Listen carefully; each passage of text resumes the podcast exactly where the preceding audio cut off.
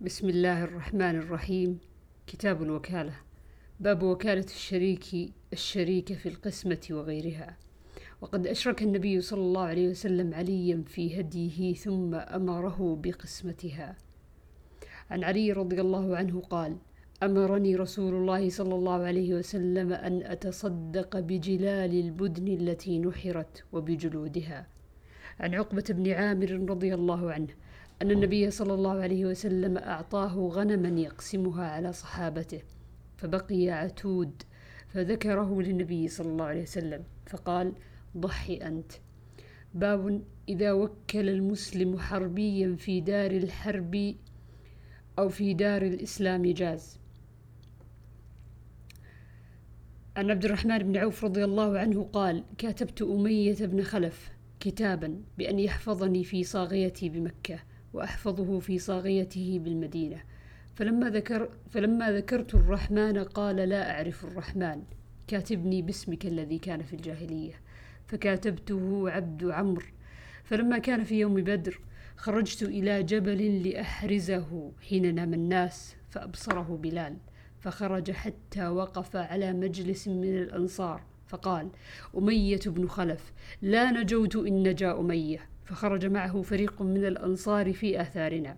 فلما خشيت أن يلحقونا خلفت لهم ابنه لأشغلهم فقتلوه ثم أبوا حتى يتبعونا وكان رجلا ثقيلا فلما أدركونا قلت له ابرك. فبرك. فألقيت عليه نفسي لأمنعه. فتخللوه بالسيوف من تحتي حتى قتلوه. وأصاب أحدهم رجلي بسيفه. وكان عبد الرحمن بن عوف يرينا ذلك الأثر في ظهر قدمه. باب الوكالة في الصرف والميزان وقد وكل عمر وابن عمر في الصرف. عن أبي سعيد الخدري وأبي هريرة رضي الله عنهما أن رسول الله صلى الله عليه وسلم استعمل رجلا على خيبر فجاءه بتم فجاءهم بتمر جنيب فقال أكل تمر خيبر هكذا؟ فقال إنا لنأخذ الصاع من هذا بالصاعين والصاعين بالثلاثة. فقال لا تفعل. بيع الجمع بالدراهم ثم ابتع بالدراهم جنيبا. وقال في الميزان مثل ذلك. باب إذا أبصر الراعي أو الوكيل شاة تموت أو شيئا يفسد ذبح وأصلح ما يخاف عليه الفساد. عن نافع أنه سمع ابن كعب بن مالك يحدث عن أبيه أنه كانت لهم غنم ترعى بسلع فأبصرت جارية لنا بشاة من غنمنا موتى فكسرت حجرا فذبحتها به فقال فقال لهم لا تأكلوا حتى أسأل النبي صلى الله عليه وسلم أو أرسل إلى النبي صلى الله عليه وسلم من يسأله؟ وأنه سأل النبي صلى الله عليه وسلم عن ذاك أو أرسل فأمره بأكلها. باب وكالة باب وكالة الشاهد والغائب جائزة. وكتب عبد الله بن عمرو إلى قهرمانه وهو غائب عنه أن يزكي عن أهله الصغير والكبير. عن أبي هريرة رضي الله عنه قال كان لرجل على النبي صلى الله عليه وسلم سن من الإبل فجاءه يتقاضاه فقال أعطوه فطلبوا سنة فلم يجدوا له إلا سنا فوقها. فقال أعطوه فقال أوفيتني أوفى الله بك. قال النبي صلى الله عليه وسلم إن خياركم أحسنكم قضاء. باب الوكالة في قضاء الديون. عن أبي هريرة رضي الله عنه أن رجلا أتى النبي صلى الله عليه وسلم يتقاضاه فأغلظ فهم به أصحابه. فقال رسول الله صلى الله عليه وسلم دعوه فإن لصاحب الحق مقالا. ثم قال أعطوه سنا مثل سنه. قالوا يا رسول الله لا نجد إلا أمثل من سنه. فقال أعطوه فإن من خيركم أحسنكم قضاء. باب إذا وهب شيئا لوكيل أو شفيع قوم جاز. لقول النبي صلى الله عليه وسلم لوفد هوازن حين سألوه المغانم فقال النبي صلى الله عليه وسلم نصيبي لكم.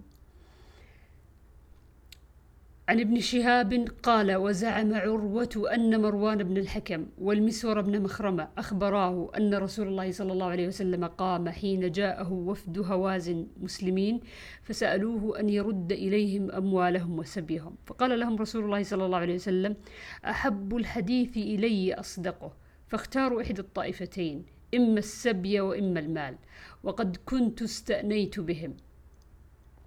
وكان وقد كان رسول الله صلى الله عليه وسلم انتظرهم بضع عشرة ليلة حين قفل من الطائف. فلما تبين لهم أن رسول الله صلى الله عليه وسلم غير راد إليهم إلا إحدى الطائفتين قالوا فإنا نختار سبينا. فقام رسول الله صلى الله عليه وسلم في المسلمين فأثنى على الله بما هو أهله ثم قال أما بعد فإن أخوانكم هؤلاء قد جاءون تائبين وإني قد رأيت أن أرد إليهم سبيهم. فمن أحب منكم أن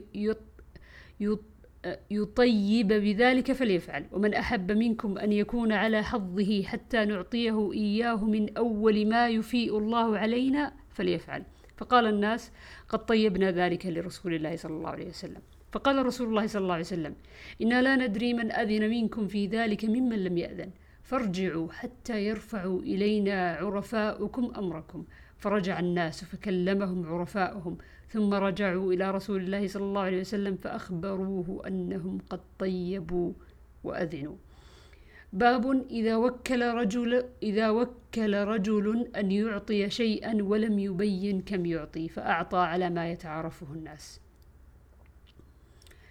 عن جابر بن عبد الله رضي الله عنهما عنه عنهما قال كنت مع النبي صلى الله عليه وسلم في سفر فكنت على جمل ثفال إنما هو في آخر القوم فمر بي النبي صلى الله عليه وسلم فقال من هذا؟ قلت جابر بن عبد الله. قال ما لك؟